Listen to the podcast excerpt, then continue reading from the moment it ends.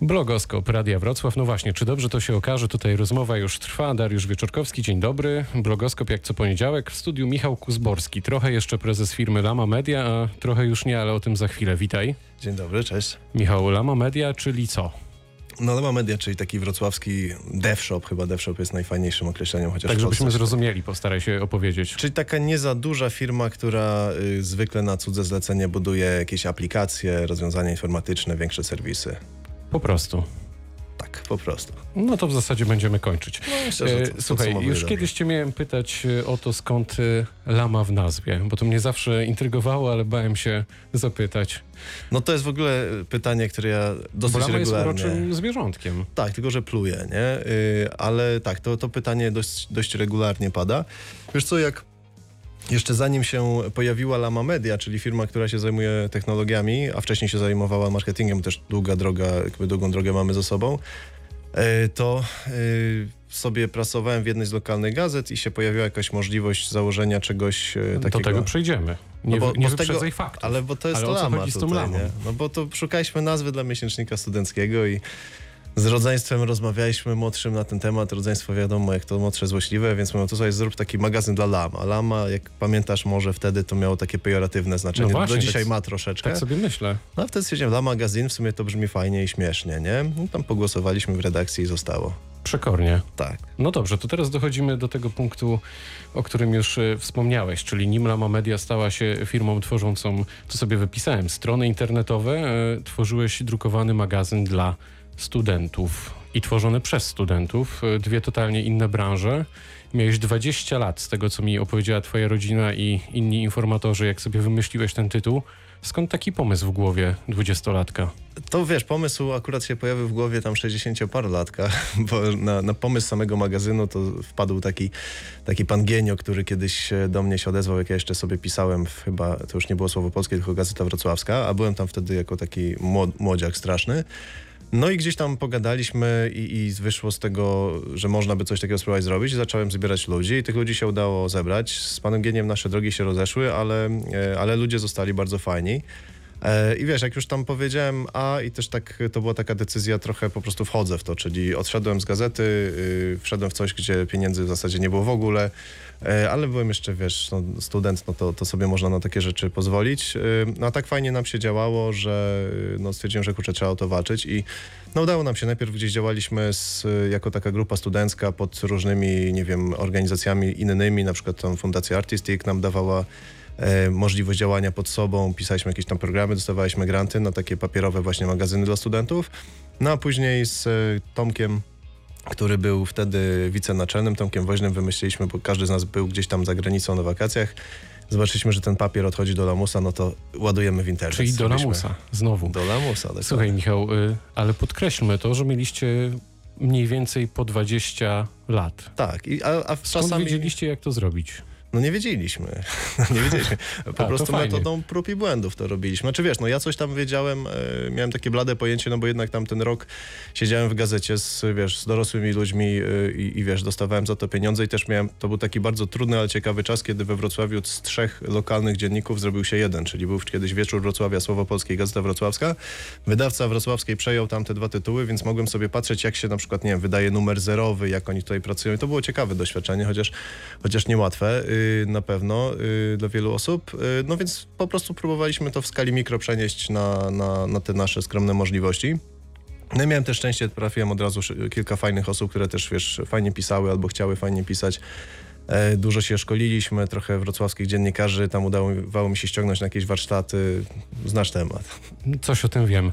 Słuchaj, 20 lat miałeś, jak to zrobiłeś, jak debiutowałeś z tytułem. Ten tytuł był dostępny normalnie w kioskach, trzeba było zapłacić tam kilka złotych. Ile, Dwójkę. ile Dwójkę. trwała? Dwójkę. No wtedy to były konkretne pieniądze. Ile trwała przygoda z drukiem?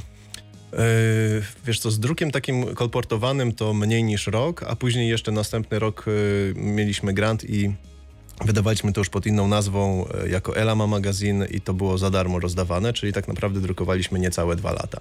Po czym stwierdziliśmy, że już ten stresik związany ze składem, e, pieniądze wydawane na druk i tak dalej, że to się nie przekłada na jakąś, wiesz, popularność tego. I poszliście do internetu. Tak, i to był dobry krok. I to był dobry krok. To za chwilę jeszcze go rozwiniemy. Wychowaliście też e, sporo talentów dziennikarskich. Jak tak patrzę na stopkę redakcyjną, to mamy między innymi tam no, ludzi znanych z telewizji, chociażby Olga Bierut czy Jacek Tacik, ale też takie osobowości medialne, muzyczne jak Janek Samołyk, Duma. E, no Ja- Janek tak, z Jankiem też. Janek, nie wiem, e, chyba jeżeli dobrze pamiętam, na którymś z nowszych Lama Party nawet występował. E, I jeszcze kilku innych fajnych muzyków. Nie no, jest, jest fajnie, no wiesz, jeden z tych talentów siedzi też koło mnie, też pamiętam. Mówisz o naszej Swój- realizatorce. Swój, swój epizod nie taki krótki miałeś u nas Tak, jak, i też byłeś jednym z najmłodszych szukać haków na mnie, to wtedy ty możesz Ja mam, mam teczkę na wszystko. skompromitować różnymi tekstami. To prawda. Jest tych ludzi trochę i to, jest, to nam daje, myślę, że tym osobom, które gdzieś tam, wiesz, najwięcej wkładały w pracę w takiej koordynacyjnej, w tworzenie tego, chyba największą satysfakcję, jak widzisz, że ktoś, kto do dzisiaj ci powie, na przykład gdzieś tam się spotkać na mieście, że kurczę, to były pierwsze kroki, albo to były pierwsze, z, jedne z pierwszych doświadczeń dziennikarskich, czy związanych z pisaniem, bo też y, parę osób już wydało książki y, z tych osób, które gdzieś tam kiedyś się w, w Lamie spotkały, także no to jest super. A mi się wydaje, że po prostu wiesz, wtedy we Wrocławiu była potrzeba czegoś takiego i ludzie, którzy chcieli coś robić związanego z tworzeniem, z pisaniem, z dziennikarstwem, y, no szukali tego swojego miejsca i mam nadzieję, że część z nich u nas je znalazła. Bo z jednej strony zrobiłeś tytuł medialny, a z drugiej okazuje się, że trochę wychowałeś takie pokolenie, społeczność wokół, wokół tego. No, Już nie byłeś taki skromny. Nie, no wiesz, wychowałeś, pamiętaj, że wiesz, to tam była część osób nawet starszych ode mnie, nie? Także to też y, na pewno jakaś tam grupa się wokół tego stworzyła. Zresztą z ludźmi, którymi się tam spotkaliśmy, założyliśmy później Lama Media. To oczywiście już była dużo węższa grupa, no i to już były też trochę inne priorytety. Ale fakt jest y, taki, że do dzisiaj, jak się gdzieś tam spotka z kimś z Lamy, nie wiem, z 98% mniej więcej ludzi, to zawsze jest fajnie. Można gdzieś tam, no, nie wiem, tydzień temu y, byłem właśnie gdzieś tam na mieście z ludźmi, bo tam zjechali z różnych y, części Polski i można było się spotkać, pogadać na przykład, nie? To jest, to jest super. No ale nie, nie trzymamy się już dzisiaj wszyscy tak blisko jakieś, wiesz, to, to się przewinęło z 250 osób, także to byłoby niemożliwe, nie? Przeszliście do internetu, ale ostatecznie zrezygnowałeś e, z dziennikarstwa, z redakcji. Dlaczego?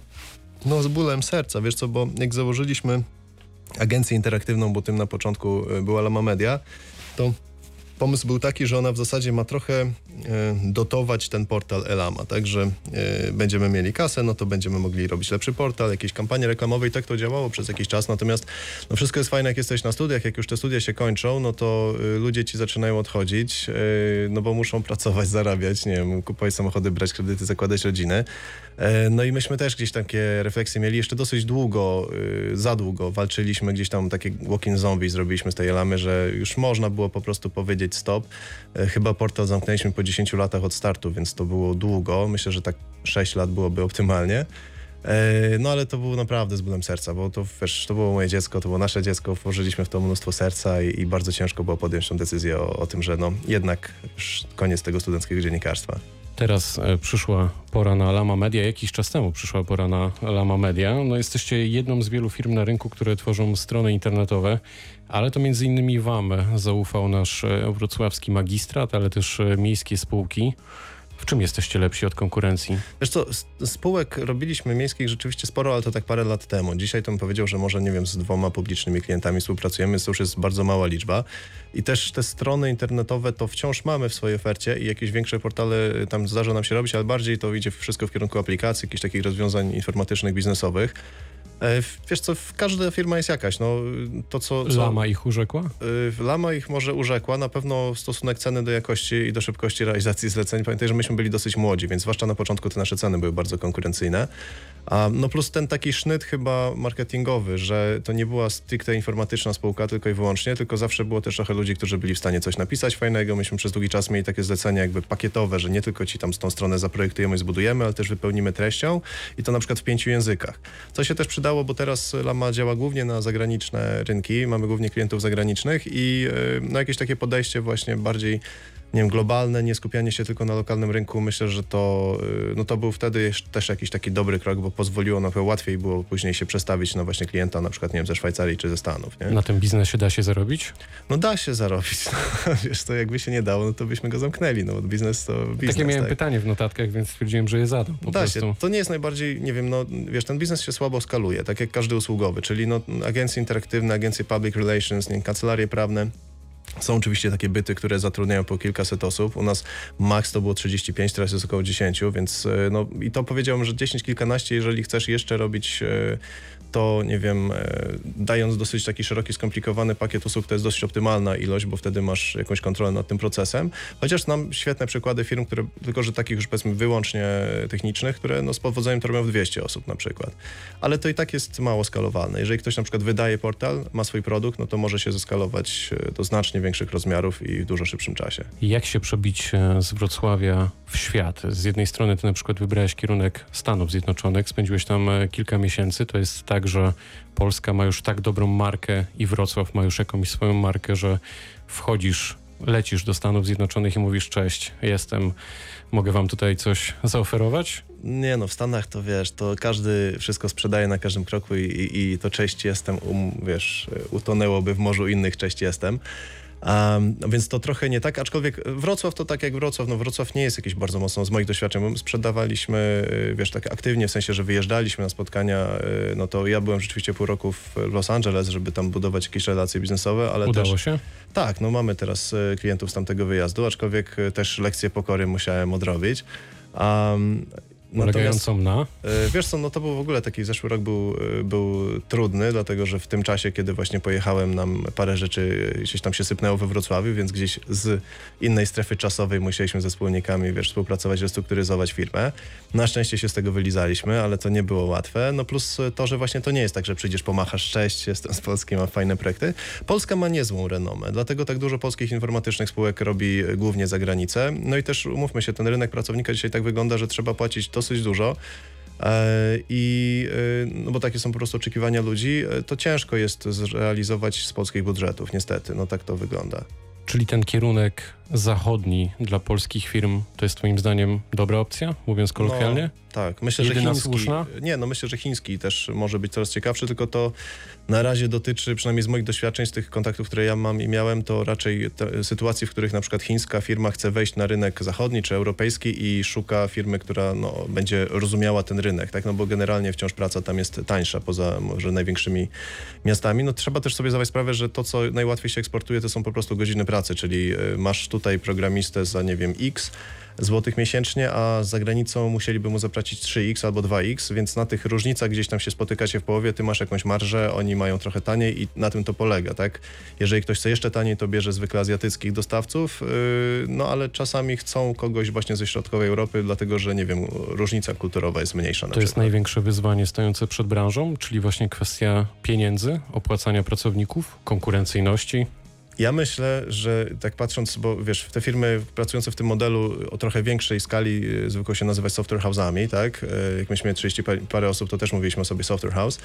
E, To są firmy, które nie są łatwe do prowadzenia. Mam dużo przyjaciół, którzy prowadzą tego typu firmy, mają po 50 osób, 100 osób i tak dalej, dlatego że wiesz, żeby to opłacić, takie, taką ilość ludzi musisz mieć naprawdę już duże projekty. To nie mówimy o projektach za 10 tysięcy złotych, tak? To setki tysięcy albo za miliony. I teraz, jeżeli taki projekt ci się gdzieś tam wysypie, y, no to nagle zostajesz, wiesz, z dwoma teamami na przykład y, drogich informatyków, y, drogich programistów, za których musisz zapłacić.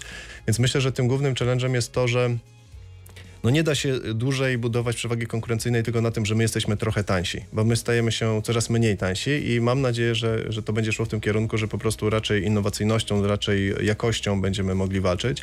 No trzeba pamiętać, że są mniejsze kraje niż Polska, które y, jakby mają większe sukcesy na arenie międzynarodowej, jeżeli chodzi o jakieś tam startupy. No Skype jest bodajże z Estonii na przykład, tak? Polska nie ma czegoś takiego, co jest odpowiednikiem Skype'a. Zacząłem od tego, że trochę jesteś jeszcze prezesem, a trochę nie. Tak, ustępującym prezesem. No właśnie.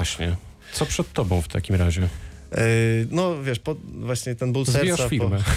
Po, nie, nie zwijam firmy, yy, bynajmniej. Yy, Nie no, wiesz, to był plan już w sumie sprzed czterech lat i, i, i mieliśmy to gdzieś tak rozpracowane ze wspólnikami, natomiast właśnie przez te całe zamieszania zeszłoroczne to się wszystko trochę wydłużyło i z jednym wspólnikiem, z którym zostaliśmy w Lamie, Teraz e, dopiero możemy tą taką zmianę zrobić. E, Michał Tomala, mój wieloletni wspólnik, e, teraz już tak naprawdę od kilku miesięcy już realnie steruje firmą i też, wiesz, prowadzi ją w fajne kierunki, bo nie tylko tworzenia dla innych e, firm oprogramowania, ale też e, właśnie niedługo będziemy odpalać taką porównywarkę diet pudełkowych, YouDiet na przykład, e, taki nasz własny produkt, bo to widzimy, że jest trend na to. E, I natomiast ja, no wiesz, no ten ból serca po zabiciu tej elamy dziennikarskiej, wiesz, gdzieś tam musiał znaleźć ujście. Zawsze chciałem się skupić tylko i wyłącznie na pisaniu, no i tak teraz postanowiłem już postawić e, wszystko na to w jedną kartę. Wiesz, pół roku w Los Angeles, gdzie cały czas jest ten tygiel kreatywny, też troszeczkę ci jakby daje nowych, nowego spojrzenia, nowej perspektywy na to No wszystko. i to jest chyba najpiękniejsza puenta, czyli miłość do pisania zwyciężyła. Tak, zobaczymy, zobaczymy jak to się potoczy, ale trzeba cisnąć. Powiedział Michał Kozborski, trzeba cisnąć, to też wkładam w cudzysłów, to druga niezła puenta. Jeszcze prezes firmy Lama Media, a trochę już nie, był gościem blogoskopu Radia Wrocław. Bardzo dziękuję za spotkanie. Dzięki wielkie. Pytał Dariusz Wyczorkowski, dobrego popołudnia.